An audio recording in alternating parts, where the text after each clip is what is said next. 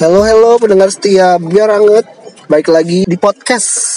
Sayang kalian Podcastnya kaum pekerja milenial Khususnya buat lo yang ngerasa Masih banyak butuh inspirasi Butuh masukan Butuh apa ya? Pokoknya butuh suara-suara Yang bisa membantu lo dalam uh, bekerja Atau beraktivitas di rumah atau di kantor.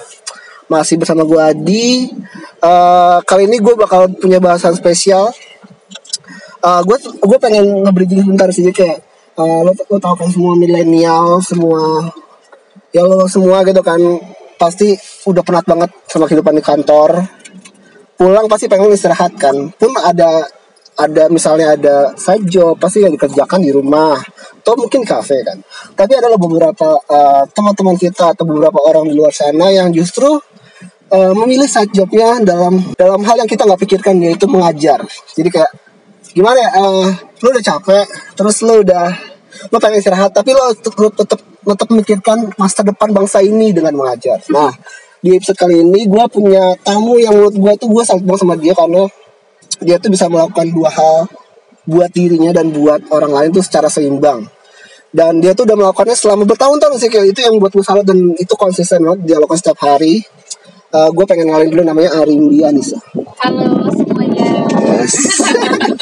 uh, gue gue pengen tahu deh, lu sebenarnya apa sih misalnya apa yang lu kerjakan di kantor dan dan setelah kantor lu lu ngapain? Lu kerja di mana? Gitu. Kalau kantor gue, boleh sebut kantor gue itu di bineka.com. Di sana kebetulan gue jadi staff produk, orang produk gue plus purchasing ya. Ya seperti biasa aja kerjaan kantor itu kerjaan pada saat di kantor, uh, kerjaan di luar kantor gue kerjakan pada di pada saat di luar kantor. Gitu. Tapi lu karyawan 9 to 5 kan? 9 to 5 uh, Six sih Kadang-kadang lembur gak sih? Wah lembur sih pasti Apalagi sekarang kan lagi ada uh, virus corona ini kan oh. Jadi gue bener-bener uh, di-push banget untuk cari produk yang bisa mengantisipasi virus itu Berarti lu bener-bener kayak di kantor tuh ada KPI yang bener-bener harus diselesaikan? Harus dong, harus Pertama kita cari barang harus cepet Kita harus kasih harga ke sales tuh harus uh, cepet lah nggak boleh lama itu ada hitungannya. Terus uh, open PO segala macam ke vendor tuh ada hitungannya juga. Pokoknya semua tuh diperhitungkan semua tuh dibuat penilaian semuanya dibuat pertimbangan. Tapi kan uh, yang gue tahu kan lu ya uh, setelah di kantor capek-capek tapi lu punya kewajiban lain di luar kantor itu mengajar bisa ceritain sih apa yang lu ajar dan siapa yang lu ajar? Dan uh, bentuk uh, pelajaran yang lu berikan tuh apa? Kalau siapa yang gue ajar itu dia uh, gue ajar itu dari dia kelas 3 SD. Dari zamannya gue masih kuliah semester 5, gue udah ngajar dia. Setiap gue pulang kuliah itu gue ngajar dia. Sampai sekarang gue gue ajarin dia. Ya pelajaran yang gue ajarin tuh paling pelajaran sekolah, subjek-subjek sekolah yang kayak matematika, bahasa Indonesia, bahasa Inggris, um, apalagi apa sih kayak itu TK, TK. ya ICT gitu pokoknya yang ya sekolah-sekolah biasa aja. Cuman kadang-kadang gue juga suka dipaksa ngajar untuk agama Katolik. Oh, iya? kadang-kadang gue dipaksa untuk itu cuman ya itu based on uh, buku aja. sih, ya. jadi gue ngelihat uh, gue nggak bisa ngejawab tapi gue bisa lihat buku gitu. Atau gue bisa google atau gue tanya sama teman gue lah gitu. Kalau untuk itu gue uh, nggak nggak bisa. Nggak sembarangan lah ya? iya nggak bisa sembarangan nggak bisa tanpa pegangan gitu. Kalau gue nggak tahu gue bilang nggak tahu. Gitu. Tapi emang sebenarnya sebelum lu, lu sebenarnya udah ngantor tuh berapa lama? Uh, sejak pertama kali lu pertama kali kerja di kantor? kantornya sekarang Enggak, misalnya kayak lu pertama kali berkarir di dunia profesional selain ngajar ya? um, baru tiga tahun Tiga tahun ya? Tapi kan lu udah lama kan, misalnya kayak sedangkan ngajar itu udah sejak kuliah? gue ngajar itu udah hampir lima tahun lima tahun tahun ini Oke, berarti emang cukup lama sih kayak yang lu berarti uh, terjun ke dunia ngajar dulu baru Yes. terjun ke dunia yang gue ngajar kuning. dulu gue ngajar dulu gue sempat gue ngajar di Cinere di Bimbel terus gue sempat ngajar eh, di Bintaro juga itu privat juga. Eh, terus yang paling pertama kali gue ngajar tuh ya anak ini. Yang pertama kali gue ajarin tuh anak ini terus eh, gue merambah ke dunia perbimbelan. Setelah itu gue ditarik lagi untuk jadi privat. Jadi itu ada tiga ada tiga apa ya ada tiga job yang sama gitu ngajar tapi tempatnya beda-beda. Itu dalam sehari gue bisa kadang-kadang tiga tiganya atau satu doang atau dua doang. Kadang full jadi habis pulang ngajar gue sampai jam 10 baru sampai rumah itu full ngajar pulang pulang dari kuliah. Gitu. Sangat menyenangkan sih. Sangat menyenangkan. ya. Dan kamu tuh ribet gak sih? Kayak lu kan juga kantor pasti kan apalagi targetnya lu sekarang lagi tinggi tinggi ya kan. Lu pasti udah pasti lembur udah pasti 24 jam pasti diteleponin sama bos lu kan. Sedangkan lu Iya. juga punya kewajiban lain yaitu mengajar yang tapi ya tetap tetap bikin ribet sih. Maksudnya kayak gimana cara ngatur waktunya? Apalagi kan lu pasti udah pasti pulang sore kan? Apa kalau sempet ngajar berapa jam di setelah lu kerja? Eh, kalau dari gue sih gini aja. Gue akan mempertahankan mempertahankan eh, anak les gue yang bisa ngerti dengan kesibukan gue. Karena kan eh, gue tidak selamanya bisa mengajar mereka. Sebenarnya gitu. Cuman kalau me- mereka masih bisa mau ngerti kesibukan gue di kantor gitu. Karena karena eh, kalau gue mau jadi guru gue harus ngambil jurusan SPD ya kalau nggak salah ya sarjana SPD. pendidikan sedangkan eh, sarjana gue tuh bukan itu gitu jadi eskom oh, eskom oh. sarjana komunikasi gue. Jadi kalau untuk gue terjun ke dunia perguruan, waduh agak berat tuh kayaknya. Eh, ya maksudnya dari lembaga pun nggak nggak mempercaya itu gitu pasti kan, karena ijazah gue bukan SPD, bukan guru gitu kan. Jadi eh, gue tetap harus untuk pikirin dunia perkantoran gue atau usaha gue gitu kan. Jadi eh, gue komunikasi juga ke orang tuanya tante om uh, atau ibu bapak ini saya ada kesibukan lain di kantor. Saya harus kerja di kantor. Gimana dengan waktunya? Apakah bisa diterima kalau saya begini begini begini? Selama mereka oke gue lanjutin. Kalau misalkan masalah capek semua pekerjaan itu pasti capek. Benar banget. Ya kan? Mau kita kerja di satu kantor pun kalau kita nggak pulang-pulang ke rumah itu juga capek kan? Tapi kalau memang dari eh, pihak sana pihak orang tuanya bisa mengerti dan pihak kantor gue pun menerima gitu sebelumnya juga gue ada info kantor gue. Gue ada kegiatan ngajar tapi akan gue prioritaskan untuk kantor gue gitu. Karena nggak nggak boleh dong nanti satu waktu jadi masalah. Gue nggak mau. Jadi semuanya gue infoin bahwa keadaan gue seperti ini, kegiatan gue seperti ini, dan dari dua pihak dari kantor gue oke, dari uh, orang tua murid gue oke, dari murid gue juga oke gitu. Kalau gue tiba-tiba sewaktu gue nggak bisa, atau misalkan gue harus lembur, atau gue harus apa pun lah um, lebih mementingkan urusan kantor, ya mereka harus ngerti gitu. Tapi gue tetap tanggung jawab untuk uh, melihat uh, ada tugas apa dia hari ini harus apa yang dikumpulin hari ini apa pelajaran dia belum bisa ngerti itu gue harus tetap tanggung jawab walaupun uh, sesibuk apa pun ke- perkantoran gue itu berarti dalam seminggu lu berapa berapa jam lu ngajar di setelah satu setengah jam lah. Gue satu, Setengah jam. satu kali pertemuan itu gue satu Itu setengah buat jam. satu anak? Satu anak aja. Gue sekarang satu anak aja kok. Yang lainnya udah nggak bisa udah nggak ada waktunya. Apalagi kalau di bimbel kan di bimbel itu satu kelas tuh bisa 3 sampai enam orang anak gitu. Jadi uh, tenaganya agak lebih banyak gitu ya. Kalau di kalau disuruh ngajar di bimbel juga sekarang gue pingsan sih. Tapi gini ke eh, eh, oke, lu punya side job yang maksudnya menurut gua tuh gak, eh, gak biasa. Kan apalagi kan eh, banyak kan mikir kalau side job ngajar itu buat gua sesuatu yang susah karena lu ngasih tahu aja masih kadang-kadang salah apalagi ngajarin orang. Sebenarnya eh, ngajar itu passion lu gak sih? Sebenarnya Emang passion lu atau emang lo butuh buat sebagai side job lo aja sebenarnya? dari awal awalnya awalnya itu memang gue butuh untuk pekerjaan ya satu pekerjaan freelance yang gue butuh uang nih untuk eh, membiayai satu satu kegiatan gue lah gitu maksudnya ya untuk jajan gitu juga lah gimana sih dulu perkuliahan kan nggak pernah cukup kan. Kalau ngikutin gaya kan nggak pernah cukup gitu kan.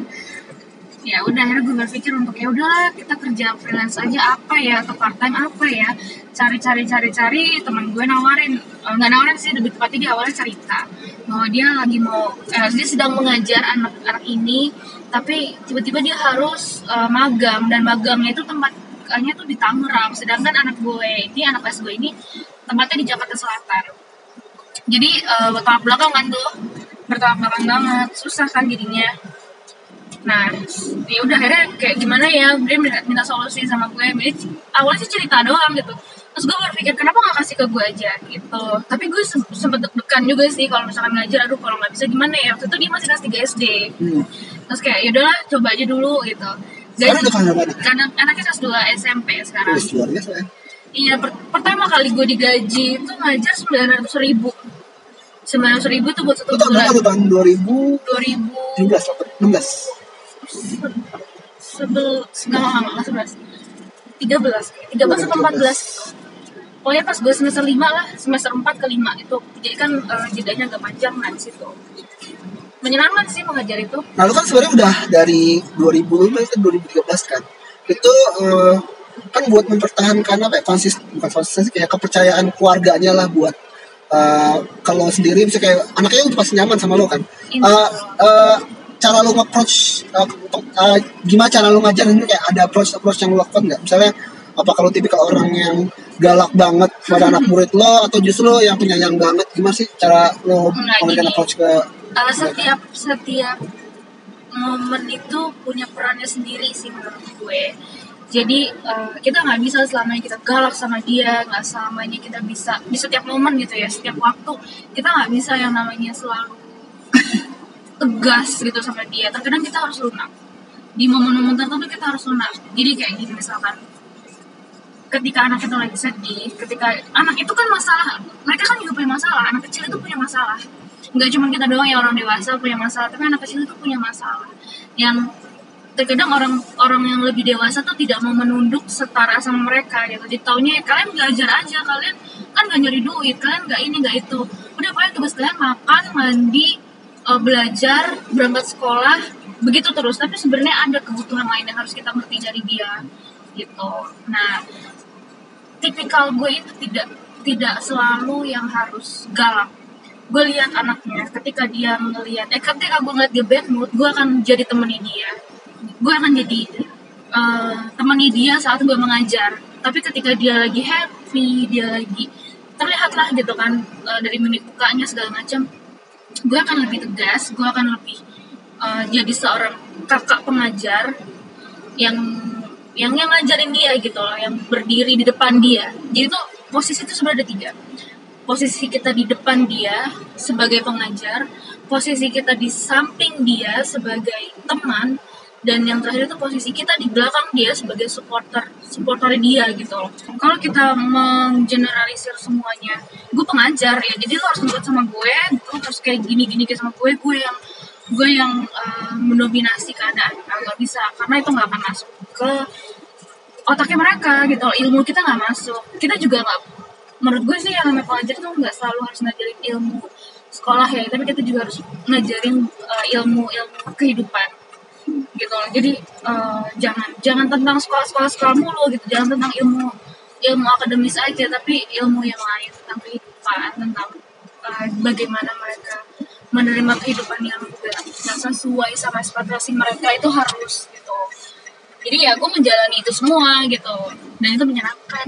Menyenangkan banget. Tapi eh, tadi lu bilang kan juga lu memegang eh, peran di mana menjadi orang yang ada di depan yang, yang jadi center of attention lah. Eh, dan eh, dulu gue juga sempat ngajar. hmm?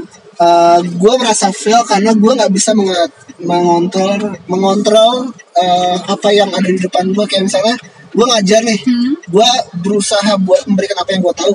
Cuman mereka tuh kayak nggak nangkep dan mereka tuh merasa bodoh amat. Eh, kira-kira kalau buat ngajar itu apa sih yang eh, menurut lo harus dihindari? Misalnya kayak apalagi lo menjadi center of attention. Misalnya kayak apa yang harus dihindari? Biar eh, biar orang yang lu aja tuh nangkep gitu maksudnya. Apa yang pengen lu sampaikan? Iya pertama lo harus ngerti juga sih anak-anak itu gimana kemauannya kebutuhannya. Hmm.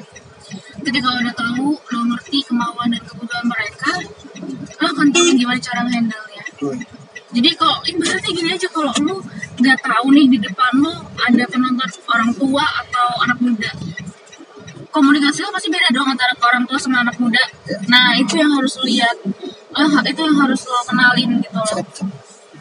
Itu yang harus lo kenalin. Kalau misalkan lo nggak kenal sama lawan bicara lo bukan lawan bicara sih sama anak yang lo ajar hmm agak susah untuk jadi dominan di depan mereka. Tapi lu sempet eh, kayak sempet ini gak sih kayak sempet berada di posisi lo merasa nggak bisa handle situasi tersebut oh iya dong pasti ada lah apalagi waktu di bimbel Bimbel. ya kan? Di bimbel itu kan pasti anaknya karakter anak-anak itu kan berbeda-beda. Eh, yang satu diam yang satu ngomong. Yang satu ngomong satu diem. Kadang-kadang ngomong semuanya gitu kan. Cuman balik lagi kita mikir eh, mereka itu butuh didengar mereka itu butuh dimengerti. Kita yang dewasa yang lebih tahu banyak kehidupan depan yang kita lebih tahu banyak ilmu kita yang harus ngerti mereka kita yang harus ngegiring mereka ke uh, rule yang bener lagi gitu loh. Kalau lagi belajar harusnya seperti ini ya. Kalau kalian mau yang seperti ini nanti akan jadi uh, mengganggu yang lain atau apa kita jelasin. Itu ulang aja terus. Anak anak itu kan nggak nggak selamanya bisa kita bilangin satu kali. Ada anak yang bisa kita bilangin satu kali ngerti. Hmm. tapi ada juga yang harus berulang-ulang. Nah yang berulang-ulang ini yang mungkin kita lihat kayak aduh eh, susah ya ngajarnya tapi enggak. Ketika mereka bisa ngerti dengan omongan kita yang berkali-kali itu kita akan lebih ngerasa puas. Kita akan ngerasa oh gue udah berhasil nih. Oh gue udah eh, apa ya gue sudah merubah kebiasaan buruknya dia keburus kebiasaan yang gak baik di kelas lah gitu. Itu sih. Berarti lu bisa nge kalau di dunia itu nggak ada anak yang bodoh? Kan? nggak ada dong. Bagaimana kita ini nge-handle aja sih? Soalnya gue kayak merasa suka kesel gitu sama orang-orang yang uh, banyak nih kayak misalnya orang luar yang nggak tahu anak itu kan tiba-tiba ah bego banget sih lo ini aja nggak bisa. Tuh kayak yang menurut gue uh, nggak fair gitu kan. Menurut lo gimana? eh, itu nggak fair sih mereka karena anak itu punya karakteristik sendiri anak itu punya kepintaran sendiri. Ada anak kelas gue yang dia untuk art dia keren. Dia bisa gambar apa aja yang ada di pikirannya dia. Tapi matematikanya lemah.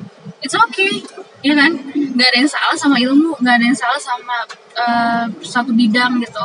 Tinggal ditekunin aja tinggal gimana kita mengarahkan dia supaya ya kamu jangan art terus lah kamu juga harus paling nggak harus bisa matematika juga satu tambah satu harus bisa gitu loh. Yang yang dasar-dasarnya aja yang penting eh, kita kenal bahwa dia itu bidangnya apa. Oh dia nggak bisa dipus di eh, mata pelajaran yang berhitung gitu. Oke kita push di pelajaran yang menghafal. Kan gitu aja. Kita kita cari cari celahnya. Tapi jangan lupa yang ini juga harus tetap dikejar ya. Yang nggak usah nilai tinggi tinggi standar aja nggak masalah. Kalau lo sebenarnya tipikal uh, orang yang melihat uh, siswa atau orang yang lo ajar itu lewat uh, attitude mereka atau justru lewat uh, angka. Misalnya kayak ada kan orang orang yang lihat uh, dia orang yang cak, uh, pintar karena nilainya bagus. Tapi juga ada orang yang anggap dia itu orang yang cerdas dengan caranya dia sendiri. Ini kayak lo di- di- lebih orang melihat kayak gimana sih orang? Lebih ke sikap mereka sih. Eh, eh, karena kalau kita ngelihat secara kuantitatif ya kalau angka itu ya nilainya bagus. Tapi kawannya jahat sama temennya ya buat apa? Gitu kan. Anak kayak gitu malah terkesan sombong dan nggak bisa dibilangin malah kalau kayak gitu kan. Dia rasa gue bisa pintar gue bisa matematika ini gue bisa matematika itu gue bisa pelajaran ini itu. Tapi uh, attitude-nya nggak baik. Ya buat apa? Itu kita malah itu yang sebenarnya nggak bisa kita handle sebagai seorang pengajar gitu. Tapi kalau anak yang uh, kita bisa bilang kurang untuk nangkep ilmu gitu tapi dia mau belajar yang penting dia mau belajar. Mau belajar bisa dibilangin uh, bisa diarahkan lah mau dibilangin bisa diajak diskusi gitu.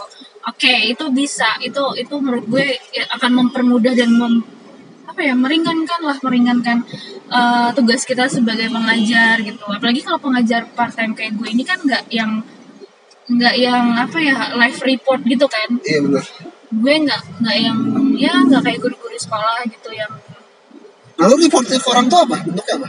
Report report gue ke orang tuanya ya berdasarkan apa yang gue ajarin. Jadi misalkan gue menemukan kendala apa nih anaknya. Ada tante nih kayaknya anaknya eh, cerita sama gue. Anak itu tuh suka cerita. Anak-anak itu tuh suka cerita.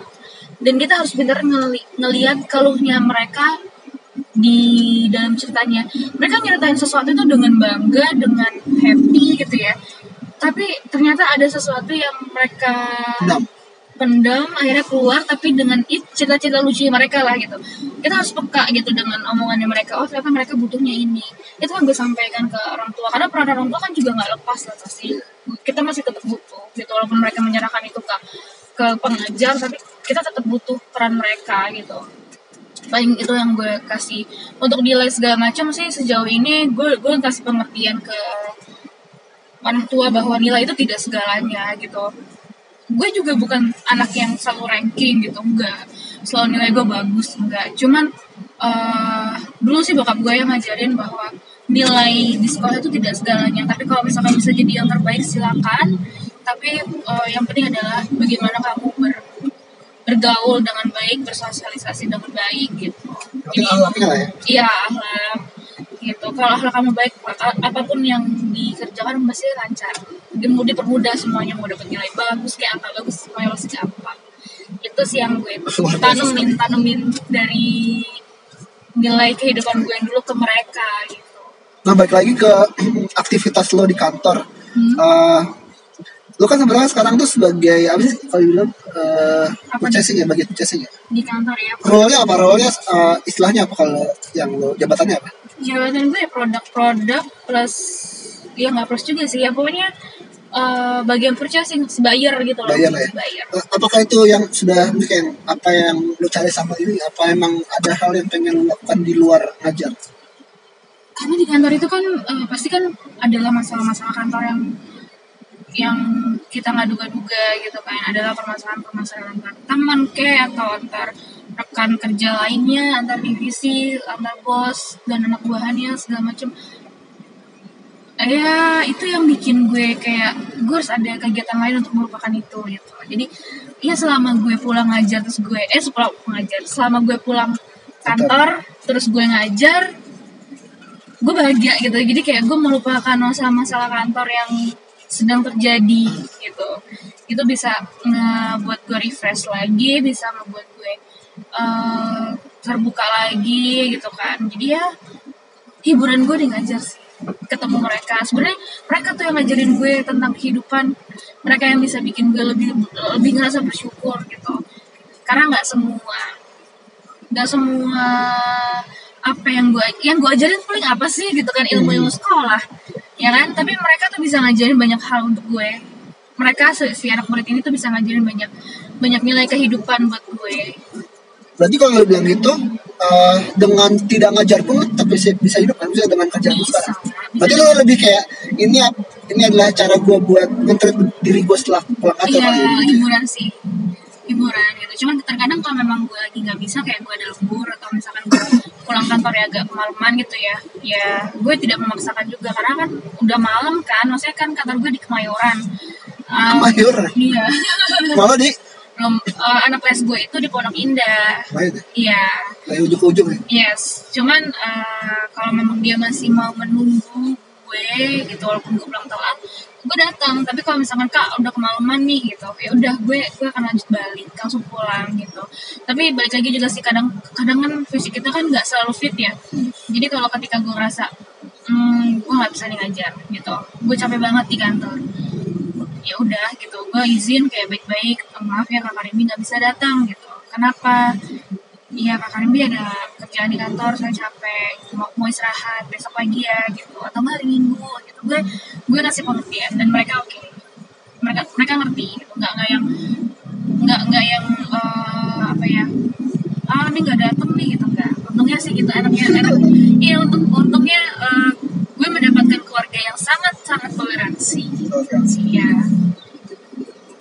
Terus, eh eh, oh ini deh, eh, tadi kan lu bilang kan eh, ngajar itu sebagai eh, cara untuk memuaskan diri lo setelah ini lah, buat menghibur lo lah. Hmm.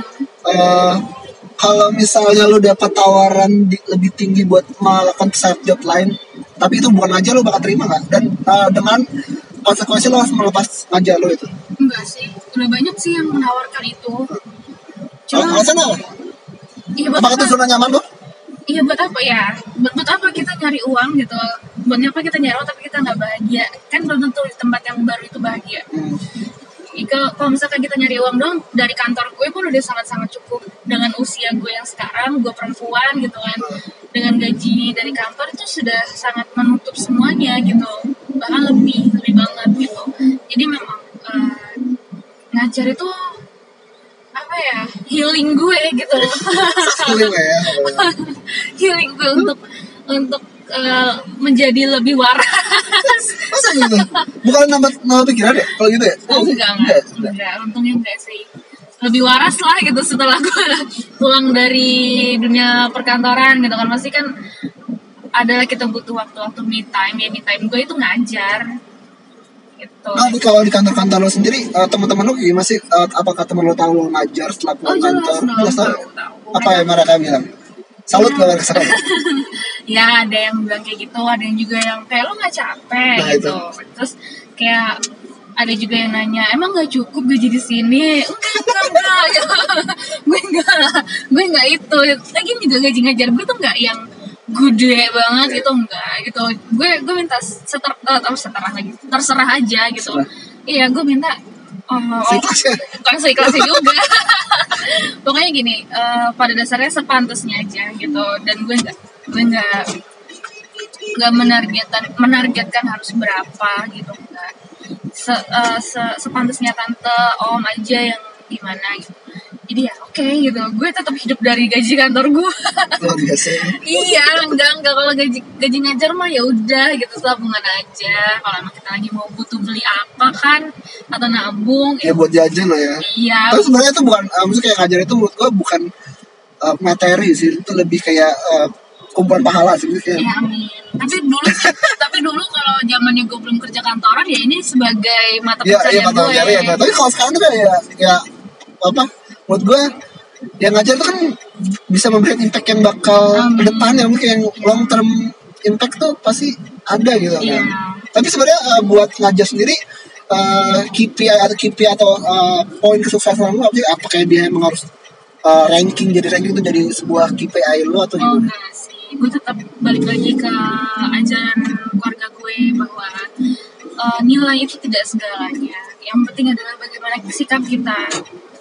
Jadi em, kepuasan gue atau pencapaian gue ketika anak itu, ya namanya guru pasti kan maunya anak itu ngerti kan apa yang kita ajarin. Hmm.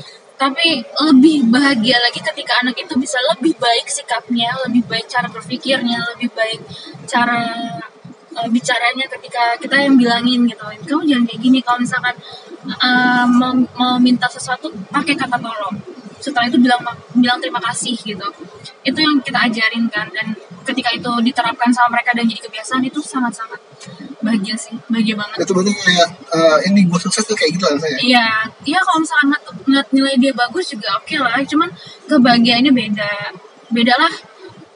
Kalau ngeliat rapotnya dia sama ngeliat eh, sikapnya dia lebih baik tuh sangat-sangat beda. Tapi lu pernah gak sih ada di titik di mana lu merasa jenuh atau lu merasa uh, drop kayak bener-bener kayak uh gua nggak mau gua lagi nggak mau ngajar kayak bener-bener kayak lu udah males sama sama apa yang lu hadapi di tempat ngajar lu pernah merasa pernah kayak gitu Enggak sih, cuman eh, males untuk ngajar sih enggak. Cuman gue bingung, sempat bingung itu ketika anak kelas gue yang ini sekarang ya, yang, yang sampai sekarang masih belajar ini, eh, dia marah-marah terus kerjaannya. Kenapa sih ini anak gitu? Gue mau mem, apa ya, bertanya-tanya lah sama hal itu. Kenapa nih anak kok di rumah marah-marah gitu? Di rumah marah-marah diajarin kok kayak gini. Itu adalah titik di mana gue, aduh, gue nggak bisa nih kalau ngajarin kayak gini. itu Aduh, sering atau emang cuma di satu waktu itu di aja satu waktu gitu loh, di satu waktu yang waduh ini anak nggak bisa nih kalau gue ajarin kayak gini sikapnya nggak bisa nih gini gini gini pokoknya gue merasa hampir menyerah lah itu sampai gue ngomong sama ibunya ada apa sih sama anak ini gitu? Apakah dari pihak orang tua menekan dia untuk sebagaimana mestinya kehendak mereka gitu? Ternyata enggak gitu. Gue cari tahu. Jadi gue tidak langsung meninggalkan mereka gitu. Gue tidak langsung menyerah aduh sudah ya gue nggak bisa ngajar lagi gitu. Enggak. Tapi gue mencari tahu dulu kenapa? Apakah ada yang salah sama diri gue? Apakah ada yang salah dengan cara mengajar gue? Apakah ada yang salah dengan eh, apa ya attitude gue ke mereka ke anak itu gitu tapi setelah gue cari tahu cari tahu cari tahu memang ternyata anak itu tuh ada masalah. Jadi makanya tadi kenapa gue bilang anak itu uh, punya masalah juga gitu. Nggak kayak kita eh nggak kayak kita. Bukan cuma kita doang yang punya masalah tapi anak itu punya masalah. Masalah sosialisasi masalah pergaulan masalah uh, dari guru ke dia. Itu tuh mereka punya gitu satu-satu masalah yang kita bahkan kadang nggak mau ngerti gitu. Untuk dengerin aja enggak tapi eh gimana untuk mau ngerti gitu? Mendengerin aja enggak gitu. Itu yang kurang sih yang tapi lu menempatkan diri lu sebagai apa? Sebagai apa problem solver atau cuma sebagai pendengar aja sih? Kalau ketika oh kalau misalkan gitu. kasusnya udah kayak gitu gue harus eh, nyari solusi dong. Tahu sih. karena kasih sayang gue ke dia tuh udah melebihi anak dan eh melebihi dari pengajar dan murid. Dia kayak adik gue banget sekarang tuh. Jadi kita kadang-kadang juga suka berantem sih. Kita suka memberantemkan hal-hal sepele kayak rebutan makanan lah atau rebutan rebutan iya jadi gue suka bawa makanan kayak gue suka gue kan suka lapar nih. Pulang kantor gue bawa dimsum atau apa pun iya yang gue bawa lah ke rumah dia karena gue nggak sempet makan gitu kan. Gue nggak sempet makan di jalan atau apa.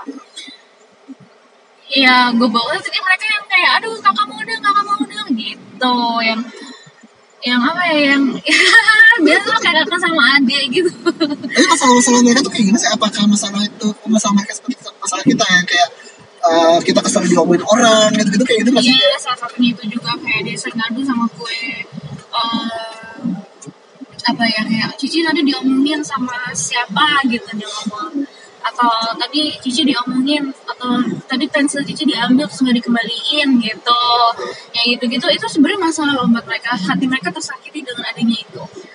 Nah kita yang tugasnya harus ngelurusin kayak oh oh diambil ya? Terus kamu eh, minta kembaliin nggak? Enggak ya udah kamu harus kamu nggak boleh marah kalau misalkan itu nggak kamu nggak minta balikin tapi dia nggak kembaliin. Kecuali kamu udah minta kembalikan tapi nggak dikembalikan ya itu salah mereka dan kamu boleh kesal tapi kalau kamu aja nggak ada usaha untuk minta ya jangan kesal gitu. Siapa tahu dia lupa.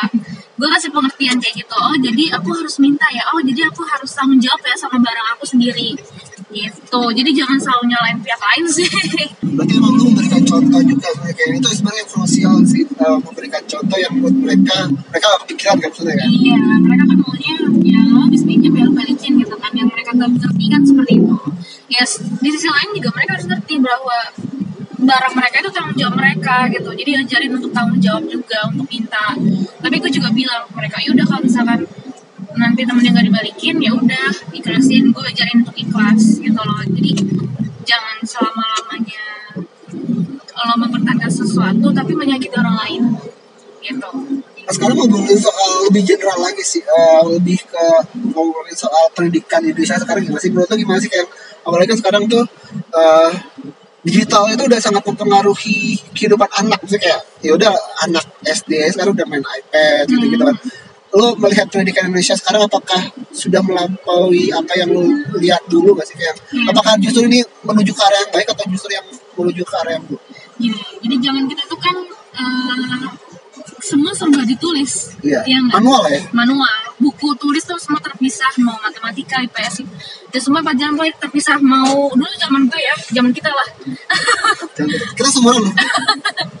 zaman kita itu eh, buku tulis PR matematika latihan matematika catatan matematika itu kan terpisah semua ya jadi satu mata pelajaran itu ada tiga buku tulis satu Iya. buku paket gitu kan Iya, bener. terus eh, pulpen ada warna-warni gitu kan pensil ada ini ada itu gitu kan Nah, itu juga, juga jadi kayak sebuah apa uh, bragging right gitu kayak yang ini kayak gue punya banyak pensil tuh temen gue nggak punya kayak jadi, hal yang gue banggakan zaman dulu sih. Walaupun itu yang gue nggak gue pakai semua maksudnya. Iya iya. Itu karena emang gue dari kecil tuh seneng banget seneng banget ini sih seneng banget ngoleksi uh, ATK sampai ATK, sekarang sampai uh, uh, sekarang. sampai sekarang. Pokoknya kalau ada sesuatu yang diskon apa ATK tuh gue beli loh. Dan itu itu menjadi kebanggaan buat gue dari gue kecil sampai sekarang. Nah kalau anak sekarang itu belajarnya mereka lebih ke Google pakai Google Classroom Google Classroom yes uh, pakai Classroom di online gitu jadi uh, jadi mereka sistem punya punya Google ya punya Google baru tahu Nah itu eh, apa ya? Jadi PR mereka tuh semua desain, desainnya tuh by, by email semua. hmm. Keren sih. Cuman eh, gue agak perbedaannya gini. Mereka tuh era digital, sedangkan gue konvensional. Gue biasa menulis gimana? ya? Gue biasa eh, menghafal sesuatu sambil menulis, atau gue biasa mempelajari sesuatu sambil nulis, ya kan? Tapi kalau mereka nggak bisa kita terapin kayak gitu. Ngapain sih tulis orang bisa diketik? Pasti, pasti mereka akan jawab kayak gitu. Karena eh, gue kebetulan ada ada anak les lain, ada anak les lainnya di sekolah di Al Azhar Pusat, SMP kelas 2 juga. Nah itu eh, sama pakai Google Classroom juga, terus cara mereka untuk belajar pun online. Tapi tetap gue suruh tulis gitu loh. Gimana ya? Gue tuh kalau ngajar nggak nulis tuh mau eh, ngajar ya Iya, bukan ngajar gitu loh. Karena gue orang primitif kan. gak primitif kali lebih ke orang manual kalau mereka kan kayak modern banget kan. tapi kan ngajar dia nggak main laptop kan Oh main laptop. Oh, main laptop. Oh main laptop. Mereka tuh ngerjain PR. Mereka tuh ngerjain PR itu ngetik gitu loh. Tapi gue tetap suruh untuk eh, nulis sih terkadang kayak matematika itu kan nggak bisa dong coret-coretannya diketik. Pokoknya tulis eh, coret-coretan sesuai dengan apa yang kamu butuhkan gitu. kayak misalkan gue ngasih contoh penggambaran gitu ya peng, suatu, kejadian tapi harus gue gambarin. Ya itu tetap gue tulis gitu. Apalagi matematika tuh gue tetap harus ada papan tulis sih untuk ngajar. Kalau enggak ya susah. Paling kertas sama pensil sih. Ya pakai Excel iya makanya itu. Enak banget mereka nggak mikir. Eh, Iya tadi kan eh, emang gimana ya? Menurut gue tuh zaman sekarang tuh sangat dimudahkan banget gak sih? Kayak yang semua orang semua bahkan semua siswa tuh udah pakai laptop yang dengan tools yang ada kan. Apakah eh, itu mempengaruhi apa ya eh, cara mereka belajar? Soalnya gue gue sebagai orang yang konvensional dan gue kerja dengan laptop kayak gue setiap hari berhubungan dengan laptop itu gue selalu terdistract. Misalnya kayak yang gue selalu banyak distraksi saat gue kerja. Apakah mereka juga hal, hal yang sama kayak yang mengalami hal sama ketika belajar? Terdistract. Hmm, dengan apa yang di, ada di laptop mereka enggak sih untungnya karena gue selalu ngebuka tab-tab khusus untuk pelajaran. Jadi kalau misalnya eh, harus ada sesuatu ya ada harus ada sesuatu yang gue tunjukin melalui YouTube oke nggak apa-apa. Cuma tetap gue awasin. Tetap gue awasin mereka untuk jangan buka. Paling handphone sih. Handphone sih? Iya handphone yang bikin mereka susah untuk konsen kayak line atau WhatsApp atau grup mereka. Anak-anak kecil itu tuh udah punya WhatsApp eh, grup WhatsApp. Grup WhatsApp geng ini geng itu ya. Jadi eh aduh nih geng cici yang ini apa gitu. Ada aja. Ada aja gitu loh yang boleh. Yang mereka tuh nggak apa ya mereka tuh kayak kayak kita aja lagi kerja tiba-tiba keingetan Instagram keingetan grup apa gitu kan sebelas dua belas lah Oh, tadi soal saat eh kan lu bilang kan berarti jatuhnya em, kita mengarah pendidikan kita mengarah ke negatif atau justru eh, positif? kenapa Eh, pendidikan kita di Hmm. Indonesia ini mengarah ke negatif atau positif dengan tadi dengan kebudayaan-kebudayaan yang ada. oh dengan kemudahan kayak Menurut lo? Menurut gue ada negatifnya lah pasti lah ya karena anak-anak itu kadang suka jadi so tau eh, tentang suatu ilmu gitu loh yang aku dapetnya dari internet kayak gini gitu cepet banget terima hoax. eh. iya mereka nggak bisa ngebedain mana informasi yang valid dan tidak kan jadi kalau kita itu kan diajarin bagaimana ngelihat informasi yang valid atau enggak gitu kan sumbernya apa kita carilah datanya gitu kan. Pokoknya pokoknya kita dia kita sudah mengetahui bagaimana membedakan itu gitu kan. Tapi anak-anak itu tuh enggak gitu. Jadi itu yang agak susah. Kadang-kadang keluar jalur gue masukin ke jalurnya lagi agak susah gitu loh. Enggak ini sebenarnya kayak gini gini gini gini gitu loh. Jadi eh, susahnya itu ketika mereka sudah merasa berhasil mengetahui sesuatu sendiri tapi ternyata hal yang hal yang mereka ketahui itu udah hal yang salah itu yang susah gue untuk balikin lagi ke jalan yang benar gitu ya